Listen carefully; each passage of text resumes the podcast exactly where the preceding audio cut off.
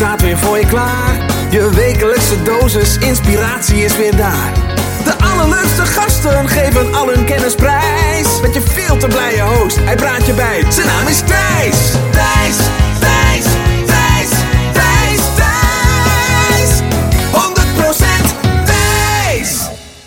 Ja, welkom bij Intens, nummertje 182 met Ruud Hendricks. En nou ja, Ruud die is begonnen als radiopiraat. Als je denkt, huh, piraat, ja, dat was in de tijd dat commerciële radio nog niet legaal was. Dus dan was je gewoon een piraat, dat je illegaal je uitzending maakte. Hij heeft achter de schermen gewerkt bij eh, Studio Sport, maar vooral is Ruud topondernemer. En eh, heeft hij onder andere veel projecten eh, samen met Joop van den Ende en John de Mol gedaan. Nou, dat zijn niet de minste, kan ik je vertellen. En daarom denk ik ook dat, ja, als je Ruud kent, dan denk je: Thijs, holy shit, wat een eindbaas in ondernemersland heb jij in je podcast. Als je hem niet kent, nou, dan kom je er in deze uitzending achter dat het een serieuze speler is. Uh, hij heeft onder andere het businessplan geschreven, wat uiteindelijk heeft geleid tot RTL 4. Um, hij vertelt een waanzinnige anekdote over een uh, zakelijke ja, blunder, kan ik misschien wel zeggen, die een paar honderd miljoen heeft gekost. Um, dus ik denk als je ondernemer bent, is dit smullen. En als je niet ondernemer bent, is dit ook genieten van een heel mooi gesprek. Uh, waarin Ruud ook heel erg serieus ingaat op maakt geld nu gelukkig. En kun je geluk met geld afdwingen. En tot slot, um, hij zit op Ibiza. En uh, via een satellietverbinding nemen we dit interview op. Daardoor zit er een vertraging in de lijn van uh, 2 à 3 seconden. Dus dat, dat, ja, dat maakt dat ik ook flexibel moest zijn als interviewer. En dat dit voor mij ook een uitdaging was. Uh, want we moesten allebei heel duidelijk een punt zetten. En ik ben natuurlijk heel gewend om super ad hoc door mensen heen te gaan en nieuwe vragen te stellen. En nu moest ik heel mooi mijn vragen afronden met een punt. En Ruud moet heel mooi zijn antwoorden afronden met een punt. Dus dat je dat weet, dat komt door die vertraging in de lijn. Tot slot, premiumleden. Holy shit. Als je ondernemer bent en je bent nog geen premiumlid ja, dan ga ik het gewoon zeggen. Dan moet je nu premium lid worden. Ruud knalt er gewoon even een masterclass ondernemerschap uit. Leer van iemand die businesses runt. Die niet gaan over tienduizenden, honderdduizenden of miljoenen. Maar gewoon honderden miljoenen euro's. Hij vertelt zijn drie beste, grootste inzichten als het gaat om ondernemerschap. Dus dat staat gewoon klaar op ikwilpremium.nl. Inclusief alle andere content, alle andere bonussen. Als jij nu lid wordt op ikwilverbinding.nl. Hier is Ruud Hendricks. 100% Thijs! Nou, dan is bij, bij deze zit je live in de uitzending. Um, en uh, wel leuk om, om dan even te vertellen aan de, aan de luisteraar. We doen dit, uh, nou ja, uiteraard vanwege deze quarantaineperiode op afstand. Uh, en niet zo'n beetje ook, want jij zit op Ibiza. En door de satellietverbinding die jij hebt, moeten we elkaar echt goed laten uitpraten. Want er zit een kleine vertraging in de lijn. Dus ik kan niet als een soort van Matthijs van Nieuwkerk aan het einde van je zin er al tussendoor komen. Uh, en ik heb er enorm veel zin in, uh, Ruud. En uh, laat ik maar gewoon beginnen met de eerste en eigenlijk ook enige vraag. en daarna gaan we zien waar het gesprek ons brengt. Um, en die vraag is, nou als dit uitkomt ben jij 61 lentes jong. wat wil jij worden als je later groot bent? Ja, ik heb zakelijk eigenlijk helemaal geen ambities uh, meer. Maar ik denk dat het een nuttig streven is als we allemaal proberen om continu een beter mens uh, te worden. En ik merk dat uh, nu ik wat ouder word, dat ik wat rustiger word. dat ik wat langer nadenk over zaken. en dat wat je fysiek misschien moet inleveren, en dat is op zich helemaal niet zoveel, dat je daar geestelijk heel veel voor terugkrijgt. Uh, dus ik hoop vooral dat ik, uh, ja, dat ik nog wat wijzer word. Het is eigenlijk heel erg uh, onrechtvaardig dat je mentaal steeds meer kan. Tenminste, in mijn geval, dat je steeds meer ervaring krijgt. Ja. En dat je fysiek dan wat inlevert, terwijl je nog zo ontzettend veel wil doen. Maar ja, ik heb nog plannen genoeg. Ik, ik heb nog allerlei ideeën om nieuwe bedrijven te beginnen. Ehm, ik zit heel goed in mijn vel, dus ik, ik ben niet van plan om er, om, er, om ermee te gaan stoppen. Nou, ik vind het heel mooi. Dus je zegt, hè, door het ouder worden, fysiek, hè, geef je toe, lever je best wel ietsjes in. Maar je zegt dat weegt totaal niet op tegen wat je er mentaal voor terugkrijgt aan, aan wijsheid. Correct, ja, zo is het. Oké, ja, mooi. Kort antwoord. Nee, ik, ik, ik denk misschien dat je nog iets extra toelicht. Maar wat, ehm, wat, wat antwoordde een Ruud van, nou laten we zeggen, op de basisschool, acht jaar oud. wat, wat zou hij hebben geantwoord als ik aan hem had gevraagd: wat wil je worden als je later groot bent? toen ik acht jaar oud was, wilde ik heel erg graag astronaut worden. Ik ben helemaal gek van ruimtevaart. Nog steeds sta ik s'nachts op om allerlei lanceringen te zien en dergelijke. Als je die vraag zes jaar later had gesteld, op mijn veertiende had ik gezegd DJ. En dat ben ik ook uiteindelijk geworden, want ik heb bij allerlei piratenzenders op land en op zee, toen commerciële radio nog niet legaal was, als DJ gewerkt. Maar ik heb ook jarenlang in clubs gewerkt als DJ. Ik draai nog steeds een keer of vijf, zes per jaar ergens in de wereld wel house en liefst uh, techno. Um, en uiteindelijk is daar een carrière in de mediawereld en, en ook later in de, in de zakelijke wereld uit, uit voortgekomen. Heb je toevallig, want die heb ik ook geïnterviewd, echt al nou, drie jaar geleden of zo. Heb je toevallig ook met Erik de Zwart toen dingen gedaan in jouw piratentijd? Ja, ik heb ooit uh, Erik de Zwart zien draaien op een schoolfeest in Amsterdam. Op de HAVO waar ik toen zat. Hij kwam daar met de Uniek Drive-In Show. Hij werkte toen bij het uitzendbureau Uniek. Ik vond dat hij dat heel goed deed. En toen ik jaren later in Spanje in de studio's van Radio Miamigo programma's zat op te nemen die dan in Nederland voor de, vanaf de Engelse kust werden uitgezonden. toen zag ik Erik de Zwart voor de deur staan. Ik heb hem binnengevraagd. We zijn goede vrienden geworden. Ik heb Erik vervolgens naar Radio Caroline gehaald, een andere zeezender. We zijn samen uh, Uniek FM begonnen, een, uh, een hele professionele landpiraat in Amsterdam. En wij zijn onafhankelijk van elkaar in dezelfde week bij de Veronica Omroeporganisatie terechtgekomen. Bij de publieke omroep dus. En ja, we hebben, we hebben vervolgens onafhankelijk van elkaar een mooie tijd in de omroep meegemaakt. Ik meer aan de journalistieke kant. En Erik vooral aan de, aan de muziekkant. ja, en eigenlijk net als Erik, in ieder geval dat is mijn idee, heb jij al vrij snel een combinatie gemaakt van werken voor de schermen, maar ook werken achter de schermen. En ik ben heel erg nieuwsgierig. Daar gaan we het zo meteen nog uitgebreider over hebben. Want inmiddels ja, ben je investeerder in honderden bedrijven, honderden start-ups. Um, maar welk, wat, wat, wat, waar gaat je hart sneller van kloppen? Is dat de artiest Ruud, die dus iets presenteert op BNR of op tv of op radio? Of is dat de ondernemer uh, Ruud? Ah, dat hangt heel erg af van, uh, van de dag van de week, als ik het zo mag uitdrukken. Uh, het presenteren, dat is echt een hobby. Dat doe ik al lang niet meer, zie ik al lang niet meer als mijn beroep. Ook, ook mijn activiteiten bij BNR. Maar het is wel een hobby die ik heel erg serieus neem. Als ik iets doe, dan probeer ik het echt heel erg goed te doen.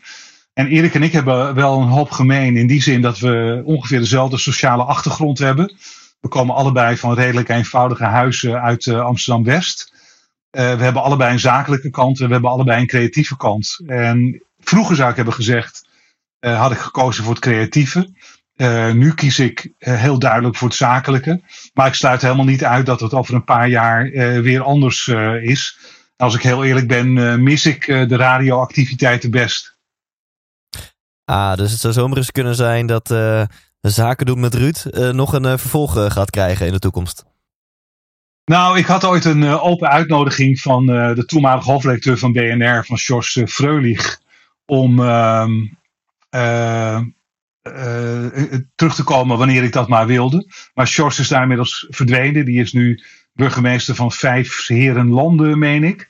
Um, en mijn contacten met de huidige hoofdredactie zijn wat minder. Maar ik sluit helemaal niet uit dat ik ooit uh, de stoute schoenen nog eens aantrek en, uh, en weer wat ga doen. Ik, ik, ik ben bezig met, uh, met een paar podcasts. wat mensen die mij gevraagd hebben om die te presenteren. podcasts van vrij grote ondernemingen. De, de, ik weet niet wat daaruit gaat komen. Maar dat is het mooie van deze tijd. als je wat wil doen, hè, dan kan je heel snel je eigen medium opzetten. Daar weet jij alles van. Ja, absoluut. absoluut. Um, ik, ik kijk er naar uit. En wat misschien wel leuk is nu voor, voor, deze, voor deze setting. Um, de, deze podcast gaat over geluk en succes. Uh, nou heb jij in je eigen leven, denk ik, maar al te vaak die, die spagaat, dat spanningsveld meegemaakt tussen die twee. En anders ook wel bij de mensen die je hebt ontmoet en in jouw omgeving en zo. dus misschien is het leuk om, om, om ehm, nou, redelijk chronologisch door jouw leven en carrièrepad heen te gaan. Om te kijken of we uit elke fase wat interessante lessen kunnen destilleren voor de, voor de luisteraar. Um, en als ik het goed begrijp, heb jij mhm. jouw HAVO uh, niet afgemaakt. Om, omdat je um, uh, toen ging werken als redacteur bij, bij, bij Studio Sport. En toen heb je eerst acht jaar achter de schermen gewerkt. Uh, um, en heb je ook. en tegelijkertijd heb je ook je televisiedebuut gemaakt. Nou, dit, klinkt een beetje rommelig, maar kan je er wat over vertellen? Hoe, hoe, wat was zeg maar de lift-off van jouw mediacarrière na jouw piratentijd?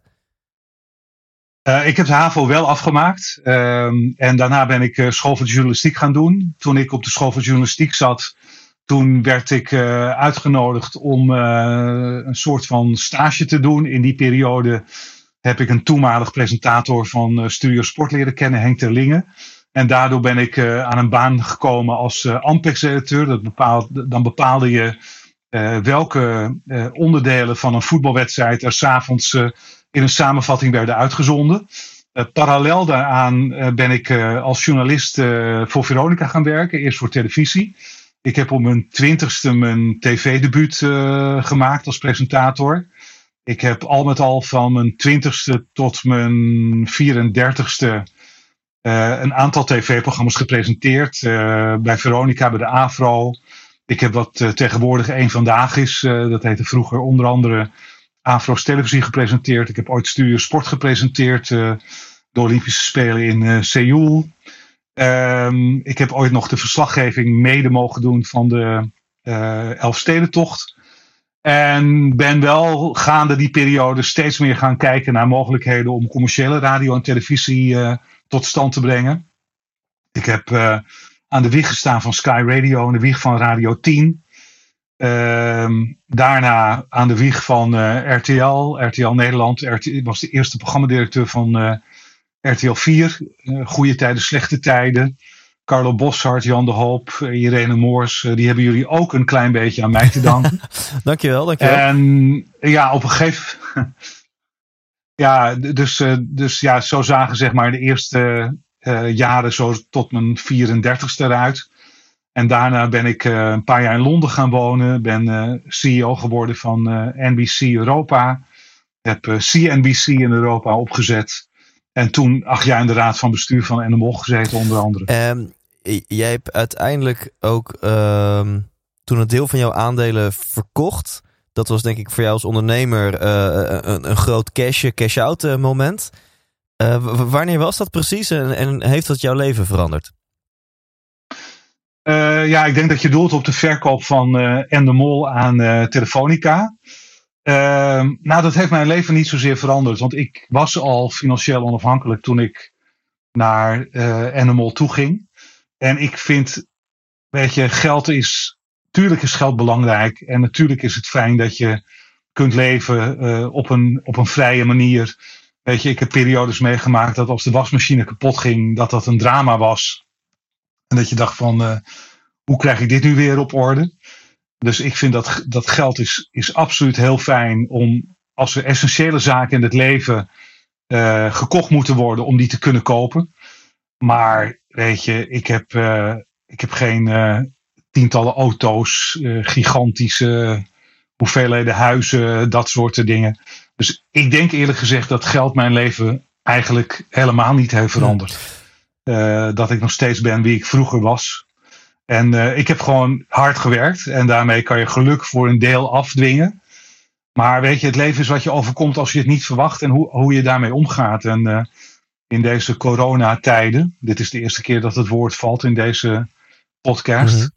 Eh, is dat eens en te meer eh, bewezen. Ja, mooi. Je had er een quote van eh, John Lennon bij. Uh, daar, laten we daar absoluut wat, wat over gaan, gaan hebben. Want het gaat denk ik inderdaad om, om flexibel zijn. Zowel in het gewone leven als je geluk wil. Maar ook in het zakenleven als je succes wil. Um, je zegt dat heeft je leven niet heel erg veranderd. Is er, dat vinden mensen altijd leuk om te horen, is er een bepaalde extreme uitgave die jij. Uh, wat is een van de meest extreme uitgaven die je ooit hebt gedaan? Is dat dan niet een huis of een auto, maar misschien iets anders? Ja, het klinkt heel saai, maar die heb ik eigenlijk nooit gedaan. Ik, uh, ik verkeer in de, in de bevoorrechte positie dat ik eigenlijk alles kan kopen wat ik hebben wil. Maar je loopt het risico als je daarna gaat leven, dat je de kleine dingen in het leven niet meer waardeert. Dus ik stel voor mezelf regelmatig doelen. En als ik een van die doelen haal, dan sta ik mezelf toe om uh, ook weer uh, iets te kopen waarvan ik denk dat ik dat verdiend heb. Uh, ik ben bijvoorbeeld jarenlang abonnee geweest van Hard Gras, een literair voetbaltijdschrift. En als ik dan een, een nieuwe editie van dat blad kreeg, dan zei ik van nou, eerst even een paar doelen halen. En daarna sta ik mezelf toe om dat blad te lezen. Want weet je, anders dan is er helemaal niets meer aan. Als je, als je niet meer blij wordt van het feit dat je iets kunt kopen, ja, dan, dan weet je, dan, heeft het, dan wordt het leven zoveel minder leuk. Dus ik, ik stel een doel, haal ik dat, nou dan verwen ik mezelf met het een of ander. Wat bepaald niet wil zeggen dat ik Calvinistisch leef. Ik, ik zit hier in een heel mooi huis in, uh, in Ibiza met uh, heel veel grond eromheen. We hebben geen buren. Het is hier heel goed uh, toeven. ik heb een prachtig huis in, in, in Amsterdam. Dat is ook heel fijn. Maar ja, en dat zou je niet hebben als je, als je geen geld had. Maar ik vind geld echt gewoon eerder een middel dan een doel. Ja, en ik, ik wil er een paar dingen over zeggen en over vragen. Allereerst vind ik het heel mooi wat je nu zegt, dat je uh, jezelf beloont. Ik, ik denk allereerst dat je daarmee ook uh, uh, jezelf motiveert en je brein een soort van traint. Hè? Je geeft jezelf toch een soort van snoepje van... hey, als ik dit heb gedaan of dat doel heb bereikt... mag ik dat magazine lezen? Dat resoneert ook bij mij. Ik doe dat bij mezelf ook. Voordat ik. Ik maak elke ochtend een bepaalde, bepaald recept koffie. En dan kijk ik heel erg naar uit. Maar ik vind dan eerst dat ik even al wat dingen moet hebben gedaan. Uh, al is het de vaatwasser uitruimen. Of al is het uh, een start maken aan een belangrijke taak van die dag. Waar ik eigenlijk tegenop kijk. En dan daarna mag ik van mezelf die koffie gaan, gaan drinken. Dus ik vind het wel heel cool dat je in principe. Kan jij een Porsche kopen en beïnvloedt het niet je bankrekening? maar, maar, maar ja, um, maak je toch die spelregels voor jezelf om, om jezelf op die manier te, te belonen. Uh, nou, en een vraag die ik heb is: je zegt geld is voor mij meer een middel. Mijn ervaring is een beetje dat de mensen die, die, die veel geld uh, hebben, uh, of in elk geval, die laat ik zo zeggen, mensen die geen geldzorgen hebben. Ik heb het idee dat die mensen vaak in dat zeggen: ja, geld is niet zo belangrijk, geld is maar een middel. Maar denk ik, dan denk ik vaak: ja, is dat niet omdat je in die positie zit. Ik denk mensen die, die elke maand niet zeker weten of ze hun gezin eten kunnen eh, geven, die zien geld niet echt als een middel, die zien geld als iets super essentieels. Hoe, hoe kijk jij daarnaar? Nou, dat ben ik wel met je eens. Kijk, ik heb ooit, uh, toen ik heel jong was, me voorgenomen om zo snel mogelijk financieel onafhankelijk te worden. ik kom van zeer eenvoudige huizen. Ik heb gezien hoe mijn vader keihard moest werken om zijn gezin te onderhouden, te verzorgen. Um, en de druk die dat op hem legde. En uh, ik, weet je, dit was een andere tijd. Mijn vader keek ook heel erg op tegen mensen die dat geld wel, wel hadden. Um, maar dat is misschien ook wel de reden waarom ik weet dat, dat het enerzijds heel fijn is om dat te hebben, maar dat het niet betekent dat je op een andere manier met mensen om moet gaan. Weet je, er is geen enkele arrogantie gerechtvaardigd omdat je toevallig een paar centen hebt. Uh, je wordt gewoon geacht op een nette manier met, uh, met mensen om te gaan. Ook met mensen die in andere financiële omstandigheden uh, zitten. Mijn moeder bracht de koffie rond in het bedrijf waar mijn vader werkte. Ehm, en ja, ik heb altijd een buitengewoon goede relatie gehad met mensen die datzelfde werk deden. Die zijn ook heel erg belangrijk in een, in een bedrijf. Dus ja, ik weet dat als je in die positie zit, dat je makkelijk praten hebt. Uh, de andere kant is natuurlijk dat er allerlei dingen in, in de wereld gebeuren die, uh, die plaatsvinden of je nou geld hebt of niet. Dat virus wat nu rondwaart, dat grijpt in.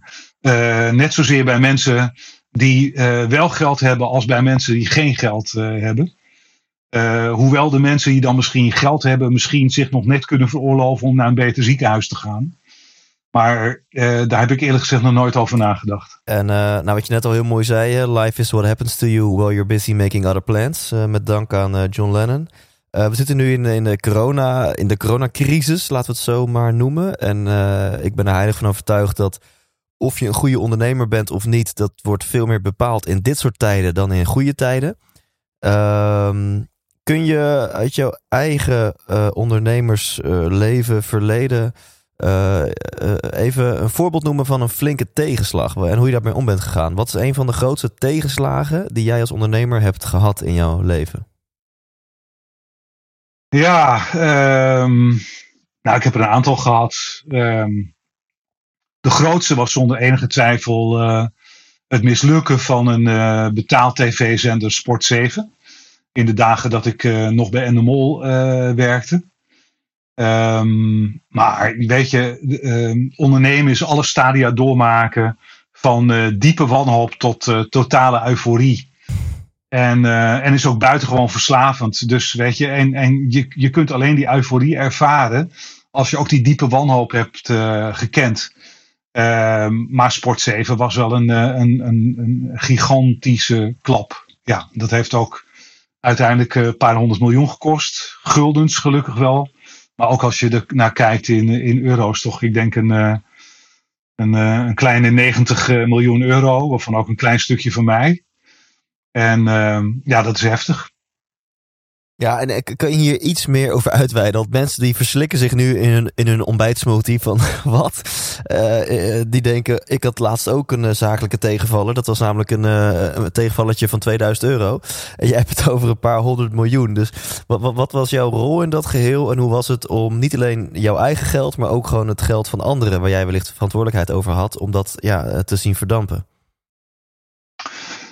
Nou, ik was uh, net bij NMO komen werken en wij zochten naar mogelijkheden om onze omzet in Nederland uh, nog uh, drastisch te vergroten.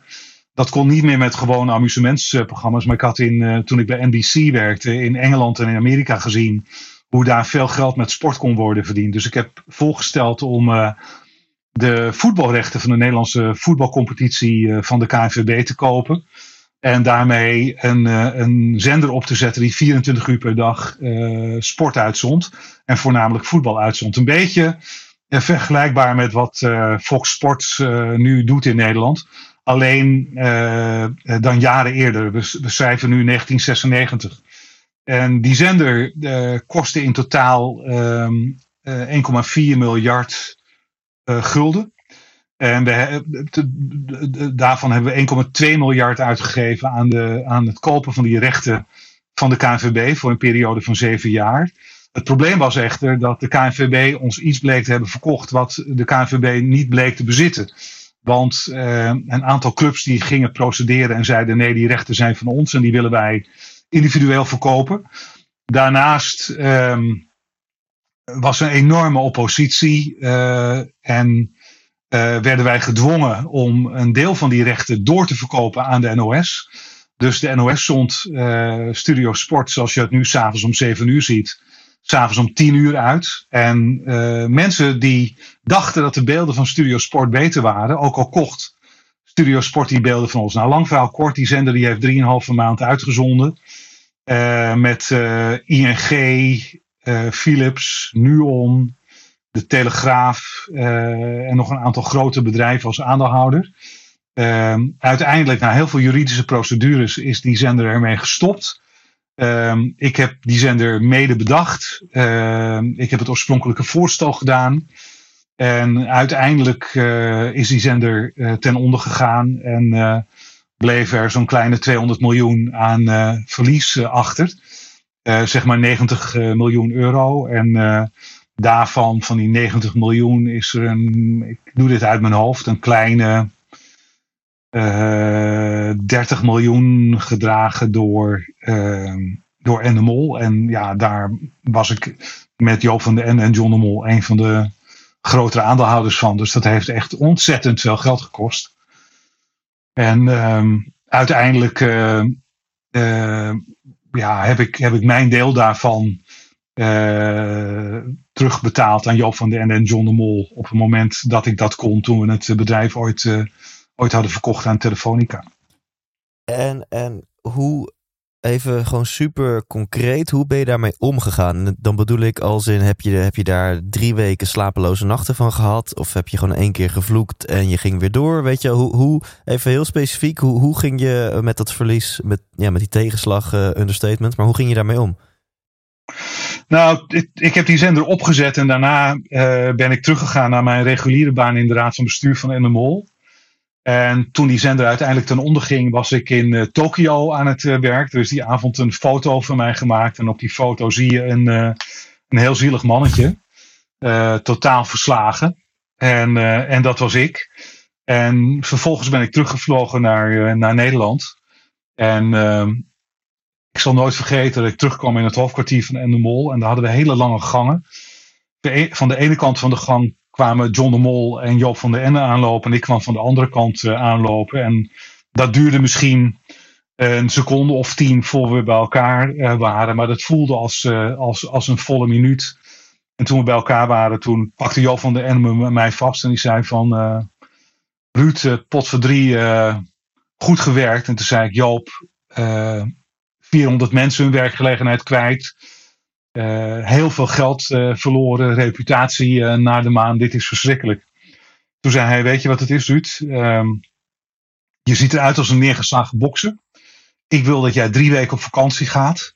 De eerste week ga je nadenken over hoe dit zo ver is gekomen. De tweede week doe je helemaal niets. En de derde week ga je nadenken over hoe je dit gaat terugverdienen. Want ik wil elke cent terug. Nou, dat is gebeurd. Ik ben uh, drie weken op vakantie gegaan. Ik ben teruggekomen en ik heb daarna een voorstel gedaan om uh, een nieuwe divisie op te zetten bij Endemol. Waarbij we uh, Amerikaanse televisieseries en films inkochten. En als een klant bij ons Big Brother wilde kopen of All You Need Is Love, dan ver verplichten wij die klant om ook wat van die Amerikaanse series erbij te nemen. Dat was een heel riskant project. En Joop van den Ende zei van hoeveel geld heb je daarvoor nodig? Ik zei nou een kleine 200 miljoen uh, gulden. Toen zei hij dat is uh, ongeveer het bedrag wat we net hebben verloren aan, uh, aan die sportzender. Ik zeg dat klopt. Maar hij zegt weet je laten we het goed onderzoeken. Maar ik ben voor laten we het doen. En dat vond ik zo fantastisch. Want als je tegen iemand die mede verantwoordelijk was voor zo'n enorm verlies. Na drie weken zegt van nou doe het nog maar een keer. Dat, kenmerkt zo'n onvoorstelbaar vertrouwen. En dat hebben we toen gedaan. En we hebben die divisie 2,5 jaar later met ruim 200 miljoen winst verkocht. Dus uh, we hebben 200 miljoen geïnvesteerd en we hebben daar nog eens een keertje uh, 200 miljoen uh, gulden winst op uh, gemaakt. En daarmee die verliezen terugverdiend. Uiteindelijk hebben we heel Endemol voor 5,4 miljard, meen ik, verkocht. En zijn we er beter van geworden. Maar om, om heel concreet jouw vraag te beantwoorden. Als je zo, zo een verlies leidt. En je moet zoveel mensen ontslaan. En de impact op zoveel gezinnen is zo enorm. Nou, dan lig je wel wat langer wakker dan, uh, dan, uh, dan een uurtje. Uh, maar je moet ook op een gegeven moment moet je gewoon door, weet je. Want om dit op te lossen moet je goed slapen. En moet je al je energie gebruiken om, om het beter te doen. En dus ja, op een gegeven moment moet je er ook een punt achter zetten en moet je gewoon verder, want anders dan kan je geen topprestatie meer leveren. Dus uh, ja, na, na een week heb ik die knop wel omgezet en ben ervoor gegaan. Maar weet je, uh, de wond is genezen, maar dat litteken zit er nog altijd. En in dit soort gesprekken word ik er bij tijd en wijle nog mee geconfronteerd. En weet je, ik, ik ben daar uiteindelijk denk ik een beter mens van geworden. Ik geloofde tot die tijd in mijn eigen mythe. Ik geloofde tot die tijd uh, dat alles wat ik aanraakte goud zou worden. En ik heb geleerd dat dat uh, niet zo is. En dat was een hele nuttige en een, een hele bijzondere les waar ik nog steeds uh, heel regelmatig van profiteer. Wow, ja, klinkt alsof je even met beide benen op de grond werd gezet. wil ik zo meteen nog wel wat meer over weten. Hè, hoe je daardoor misschien wel beter ondernemer bent geworden. maar nog even naar dat gesprek met, met Joop. Uh, toen je dat begon, toen dacht ik, oh wat een lieve man. Dat, dat hij echt vanuit liefde zegt van, hey weet je, neem even drie weken vakantie. Maar toen je dat verder ging toelichten, merkte ik van, nou volgens mij was dat niet vanuit liefde, maar meer vanuit uh, gewoon een zakelijk belang. Van, ga maar eens even chillen, nadenken en kom, goed met een, kom terug met een goed plan, want ik wil elke cent terug. klopt dat? Was dat meer een advies vanuit zakelijk belang dan vanuit liefde voor jou? Ik denk dat het uh, beide was. Ik denk dat er een zakelijk uh, belang was. Uh, maar ik denk dat hij ook heel erg goed zag dat ik echt down and out was. Echt knock-out geslagen. en het een hoeft het ander niet uit te sluiten. zakelijk succes kan je soms ook boeken met hele mooie projecten die de wereld een beetje beter maken. En waar mensen heel veel plezier van hebben.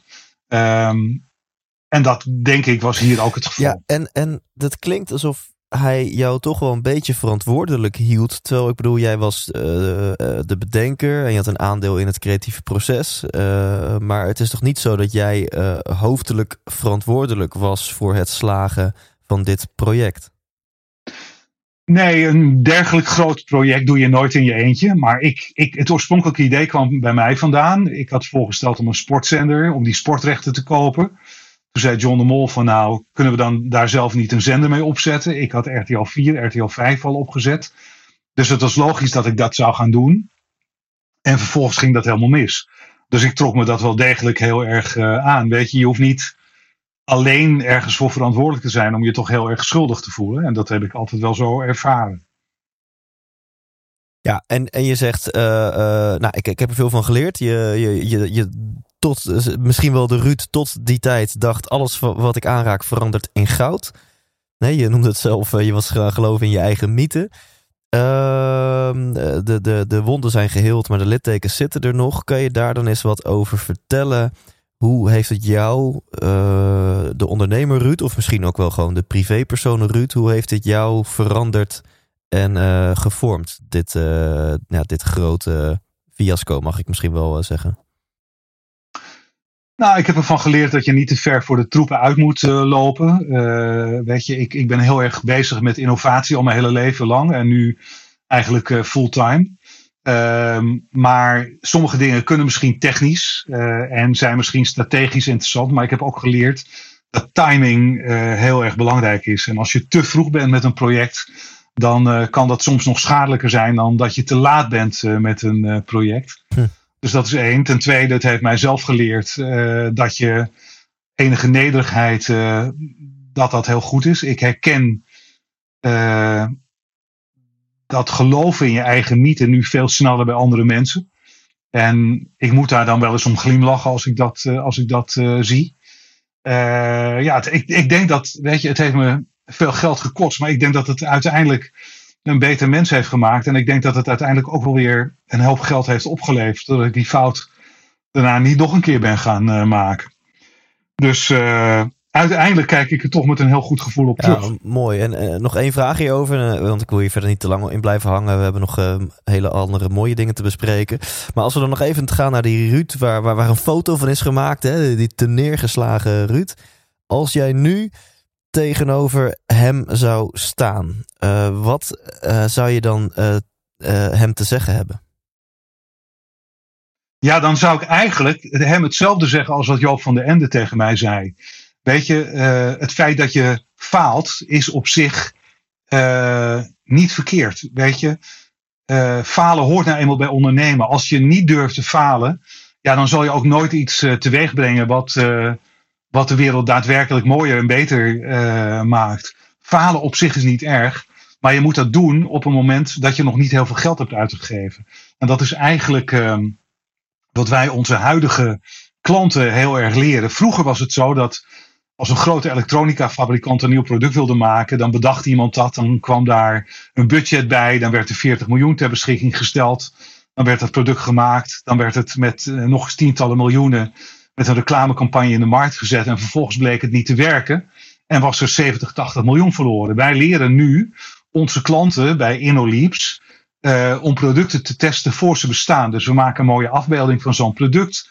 We doen daar een reclamecampagne mee voor een paar duizend euro bij Google en Facebook. We kijken of daarop wordt gereageerd. Wordt er niet op gereageerd, dan is het misschien beter om zo'n heel product niet te maken. En dan ben je een paar duizend euro kwijt in plaats van 70, 80 miljoen. Um, maar uiteindelijk moet je wel bereid zijn om een beetje geld te verliezen. Uh, om uiteindelijk te kunnen slagen. Weet je, uh, falen hoort bij ondernemen. En ja, daar moet je gewoon bereid toe zijn. En het feit dat je dat overkomt, wil niet zeggen dat je een slechte ondernemer bent. En mits je maar leert van de fouten die je hebt gemaakt. En die je een volgende keer niet meer maakt natuurlijk. Kijk, zo'n fout als Sport 7 heb ik nooit meer gemaakt. En um, nou ja, sindsdien uh, ben je blijven ondernemen. Inmiddels uh, investeer je in, in, in honderden, met name start-ups. Um, voor het geld hoef je het niet meer te doen. Waar haal jij dan je, je drijfveer? Laat ik nou bij mezelf blijven. Ik ben ook ondernemer. Uh, ik, ik heb echt niks te klagen, maar ik ben nog niet financieel onafhankelijk. En ik, ik moet zeggen, gewoon geld verdienen is voor mij wel een hele grote drijfveer. Dat ik ook denk van nou, als, als ik dit en dit en dit succes behaal, dan kan ik uh, dat droomhuis kopen over een paar jaar. Ehm, dat is voor jou niet meer zo relevant. Dus wat, wat, wat is jouw drijfveer in ondernemen?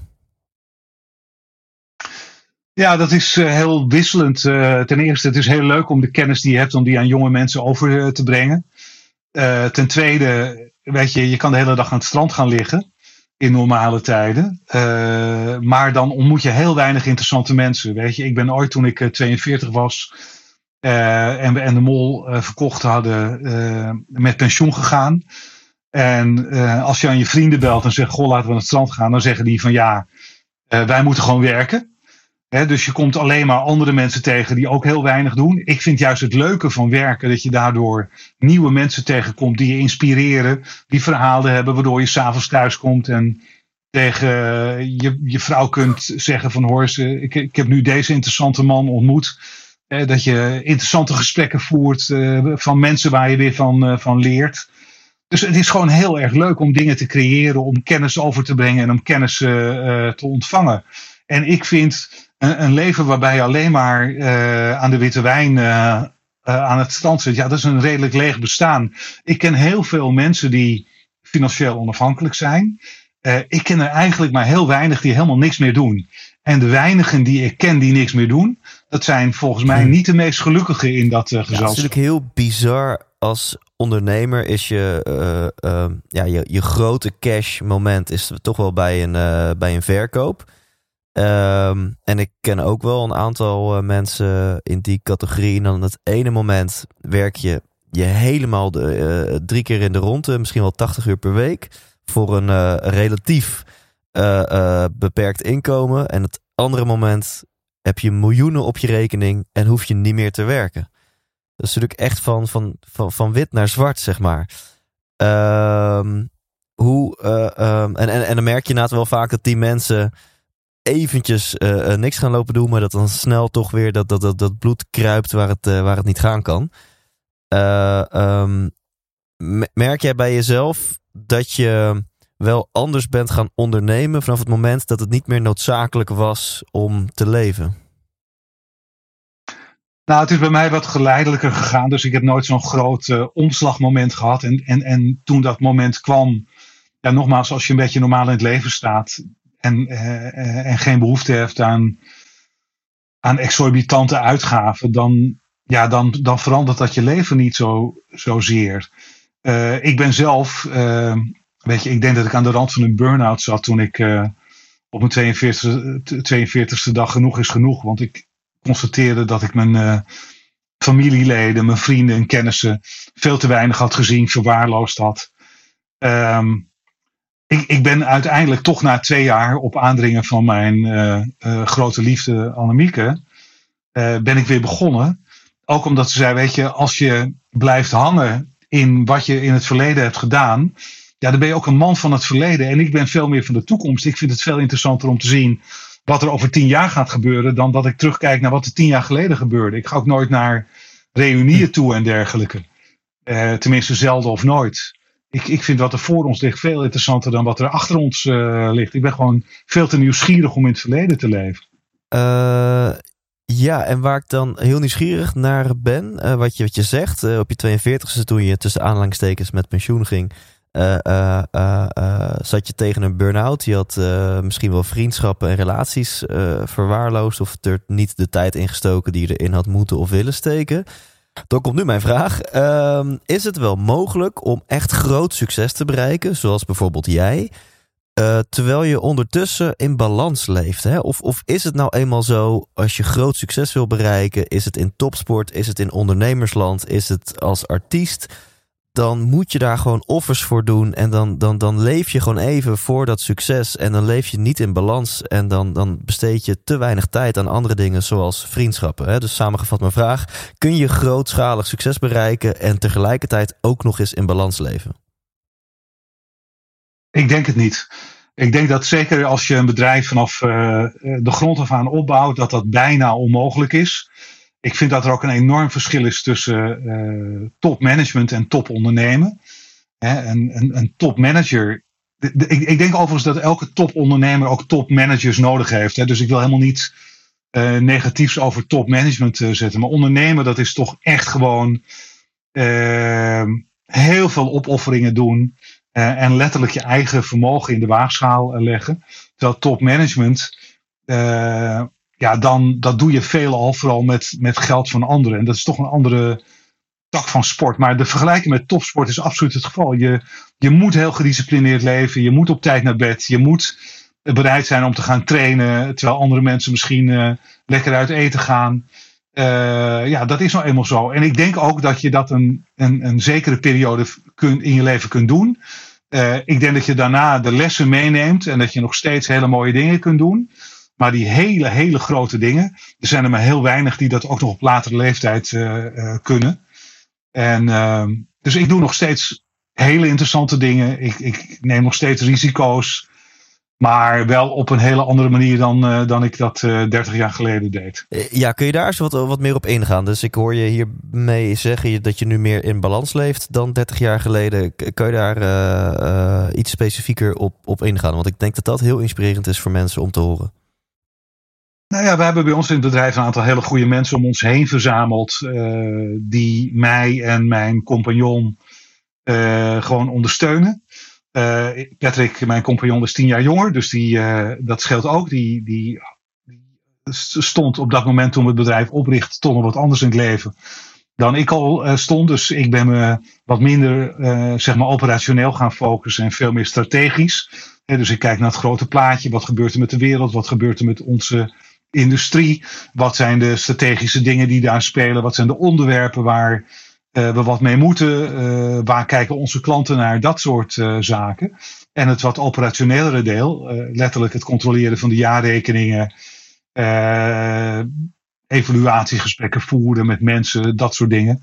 Nou, die laat ik tegenwoordig graag aan andere mensen over. Dus het is wat minder operationeel. Um, en je praat wat meer vanuit de ervaring die, je, die je ja, hebt. En ik merk uh, elke ondernemer hiermee worstelen. Hè, dat, dat stukje controle. Um, dus het lukt jou nu meer om dat uit handen te geven. Het stukje operationeel. Um, welke. Ja, misschien is het ook onmogelijk en moet je gewoon op je bek gaan om dat te leren hoor. En om dat te kunnen. Maar, maar, maar kun je nou, bespreek mij maar aan of andere ondernemers die, die gewoon echt hard werken en, en, en, en uit een stukje controle uh, uh, te veel doen. Uh, kun, je, kun je die ondernemers een advies geven om, om toch wat meer die controle uit handen te geven, zodat je en wat meer in balans kunt leven en je wat meer kunt richten op de hoofdzaken van je onderneming? Nou, ik ben nooit zo'n control freak geweest. Ehm, maar de belangrijkste les is eigenlijk dat je mensen moet vertrouwen. En je kunt mensen alleen maar vertrouwen als je hele goede mensen aanneemt. Dus je moet heel zorgvuldig zoeken naar de juiste persoon die op de juiste plek neerzetten. Uh, die moet je niet gaan vertellen wat ze moeten doen. Je moet die mensen jou laten vertellen wat je beter kan doen. Je moet proberen om mensen aan te nemen die beter zijn dan jij zelf bent. En dan moet je ze daadwerkelijk het vertrouwen geven. En uh, hè, dus ik zeg altijd tegen die mensen: uh, als je eenmaal binnen bent, handel alsof je het bedrijf zelf hebt opgericht ik geloof niet in regeltjes waarbij je zegt van uh, dit is wat je. Dit is de hoeveelheid uren die je moet maken. Dit is wat je mag declareren. Je mag alleen maar business class of alleen maar tourist class vliegen in die en die omstandigheden. Weet je. Uh, zoek mensen die gewoon zelf nadenken, die een groot verantwoordelijkheidsgevoel hebben. Gun ze het vertrouwen, zoals Joop van den Ende dat bij mij heeft gedaan. En, en geef ze de vrije hand. En dan hou je vanzelf meer tijd over voor andere zaken.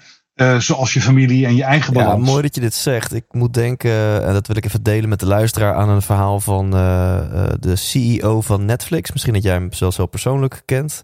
En die, die had vroeger hadden ze een beleid van als je een laptop koopt, mag het niet zo meer dan zoveel euro kosten. En als je op reis gaat, moet je alles declareren. En uit eten geldt deze regel voor. En vliegen geldt die regel voor. En uiteindelijk heeft hij al die regels overboord gegooid en één regel voor in de plaats gebracht. En dat is uh, handel in best interest of the company. En sindsdien hebben ze uh, uh, minder gedoe, minder procedures en ze geven ook nog eens minder geld uit. Want medewerkers handelen in het belang van het bedrijf. dat, dat, dat is eigenlijk letterlijk ook wat ik hoor in jouw antwoord. Maar dan toch even voor de ondernemers die luisteren de hamvraag. hoe vind je dan de juiste mensen? Uh, nou, ten eerste, ik ken Reed Hastings niet persoonlijk, maar inderdaad dat, uh, dat uh, deck van Netflix, waar deze huisregels zeg maar in staan, of deze huisregel in staat, dat is gewoon op het internet te vinden en te googlen. hoe vind je de juiste mensen? Nou, ten eerste te zorgen dat de mensen die je al hebt aangenomen, ambassadeurs zijn voor jouw bedrijf. Dus het begint ermee dat je mensen die, die je al binnen hebt, dat je daar heel goed voor zorgt en dat je die dat vertrouwen geeft. En uh, dat je die ook betrekt bij het binnenhalen van nieuwe mensen. als jij uh, als een soort slavendrijver je huidige medewerkers managt, dan moet je niet uh, raar opkijken dat het moeilijk is om nieuwe mensen binnen te halen. je straalt iets uit. Als ik bij een bedrijf binnenstap, dan voel ik eigenlijk bij de receptie al binnen 30 seconden hoe de sfeer in dat bedrijf is en of het klopt en of het niet klopt. Um, dat is één. Uh, dus je moet zorgen dat je sexy bent. Dat je een hele goede werkgever bent. Uh, daar moet je een beetje marketing uh, voor doen. En wat wij zelf doen is, wij, wij laten key medewerkers allemaal een psychologische test doen. En wij kunnen niet zeggen dat als je een bepaald profiel hebt, dat je dan slaagt. Maar we kunnen wel zeggen dat als je een bepaald profiel niet hebt, dat je dan zeker niet slaagt. dus wij nemen heel zorgvuldig en heel voorzichtig mensen aan. En als het niet blijkt te werken, dan moet je ook heel snel weer afscheid van ze nemen. Dus dan moet je, zelfs als dat geld kost, moet je bereid zijn om uh, gewoon te zeggen, nou, helaas, uh, het werkt niet. En ook al heb je een contract wat nog vier maanden doorloopt, ga maar naar huis en we betalen je wel door. Dat is beter dan iemand die ongelukkig is of die niet functioneert, te lang te laten zitten. Ja, ja helder. En uh, sowieso, ik, ik, zit echt te genieten. En ik, ik moet me inhouden om hier niet nog twee uur op door te gaan uh, met uh, ondernemerslessen van, van Ruud Hendricks. We gaan natuurlijk sowieso straks nog even verder door voor, het, voor de premium leden. Nog even een masterclassje ondernemerschap. Uh, om dit gedeelte langzaam te gaan, uh, te gaan afronden. Jij uh, kent veel interessante mensen. Ja, je zegt ook dat is een van de redenen om te blijven ondernemen. Het is gewoon leuk om, om, om, om bezig te blijven en om hele interessante mensen te ontmoeten. Dat is leuker dan met een wit wijntje op het strand liggen elke dag. jij kent heel veel bekende mensen, mensen met veel succes. Ehm, dus ik wil het nog wel even hebben over die ja, de verhouding tussen geluk en succes. Hè? Zijn die twee vrienden of vijanden van elkaar? Hoe, uh, uh, met al jouw levenservaring en, en jouw netwerk, hoe kijk je daar tegenaan? De, de, de vriendschap of misschien wel de vijandelijkheid tussen geluk en succes? Nou, ik, ik, zei al eerder, ik heb ooit geleerd dat je het geluk is met de ijverige. Dus je kunt geluk voor een deel gewoon afdwingen. Als je met een bepaalde mindset iets doet, dan kan je iets bereiken. Ik geloof heel erg in, eh, in mind over body. Als jij hoognodig naar een toilet uh, moet en dat toilet staat 100 meter verderop en je rent er naartoe, dan haal je dat. Uh, als je dat toilet vervolgens, als jij er bent, uh, 10 meter wordt verplaatst, dan doe je het in je broek. Maar wist jij vanaf het eerste moment dat het 110 meter was die je moest afleggen, dan had je het gehaald. Dus tot op zekere hoogte is mind over body en je uitstraling helpt wel degelijk bij succes. Als ik als ik uh, een slechte dag heb, als ik slecht geslapen heb, als ik weinig energie heb, dan kan ik exact hetzelfde verhaal vertellen als dat ik een goede dag heb. Met exact dezelfde woorden. En bij een goede dag komt de boodschap over. En bij een slechte dag komt de boodschap niet over. Dus nogmaals, je kunt succes en geluk voor een deel afdwingen. Uh, maar daarnaast moet je natuurlijk ook gewoon uh, hard werken, vakkennis hebben, jezelf goed voorbereiden en dat soort dingen. En daarnaast, ja, uh, dan nog moet je gewoon accepteren dat dingen soms ook mis uh, kunnen gaan. Nou, als je die combinatie weet te, te, te, vormen, dan wil dat niet zeggen dat je altijd uh, succesvol bent. Maar het is net als in het casino. de bank wint op lange termijn meer dan de mensen die in dat casino komen spelen. Dus als jij al die stappen zet, dan kan je nog steeds verliezen. Maar dan win je uiteindelijk meer dan dat je verliest. En ik denk dat dat de basis is van goed ondernemen. Wauw, gaaf. Ja, je, je, noemt drie hele interessante dingen. Allereerst die metafoor van, van de wc. Ik heb veel metaforen gehoord als het gaat om mindset, maar die kende ik nog niet. Die vind ik fantastisch. Als je weet uh, hoe ver die pot staat, dan doe je het niet in je broek. Mind over body. Uh, en je zegt van, uh, die vind ik ook heel mooi. Je, kan, je hebt natuurlijk een hele hoop succeswetten en strategieën en stappenplannetjes. En die kan je letterlijk volgen. Maar jij noemt iets anders als in energie. Van hey, je kan dus precies met de juiste woorden, met de juiste strategie uh, het juiste zeggen. Uh, maar ja, uh, met welke energie zeg je dat? Hè? En dat is, dat, dat, dat is ook wel heel gaaf. En dat kan je heel spiritueel bekijken of ook gewoon heel erg logisch. Um, oh, en die derde week even meer. Tot, slot zei je nog een, een derde interessante ding.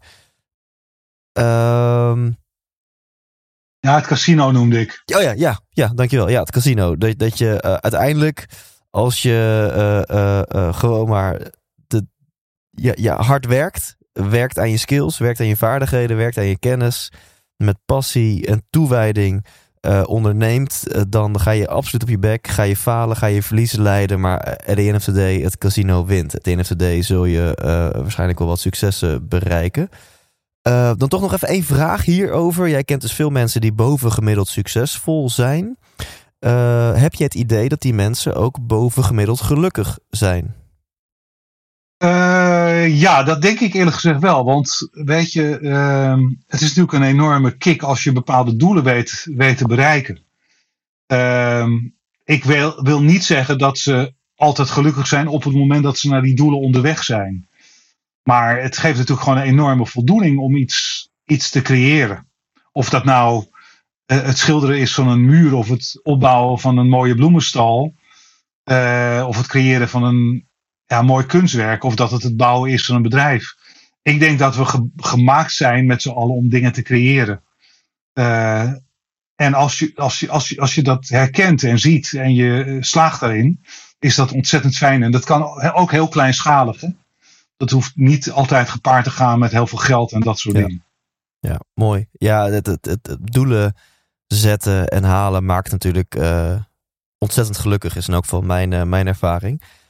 Uh, ik, ik ga zo meteen, als jij dat ook wil, zou ik graag voor de premium leden nog even met je door willen babbelen over ondernemerschap. En, en met name ook Startup Bootcamp Amsterdam. En waar, waarmee je in meer dan 100 startups investeert. En dan ben ik heel benieuwd welke lessen je hen meegeeft en, en welke meest gemaakte fouten je dan ziet bij, uh, bij startups en wat we daarvan kunnen leren.